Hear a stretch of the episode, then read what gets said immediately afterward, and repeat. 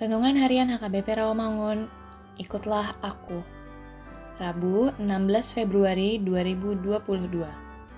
Dengan judul Tuhan menghapus dahaga kita. Bacaan pagi kita pada hari ini diambil dari Yesaya 55 ayat 6 sampai 11. Bacaan malam kita pada hari ini diambil dari Yohanes 10 ayat 11 sampai 21.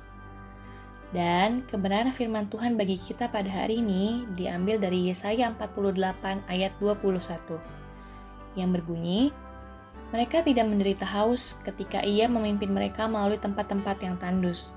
Ia mengeluarkan air dari gunung batu bagi mereka. Ia membelah gunung batu, maka memancarlah air.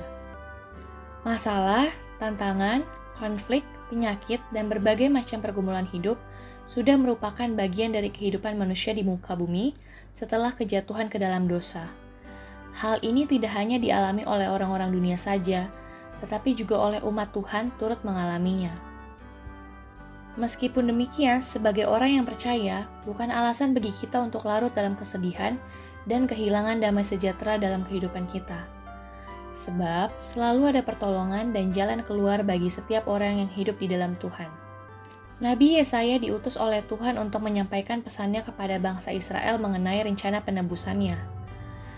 Allah menjanjikan keselamatan kepada umatnya melalui pimpinannya dan memberikan air yang menjadi pemulihan atas kehausan dalam kehidupan mereka.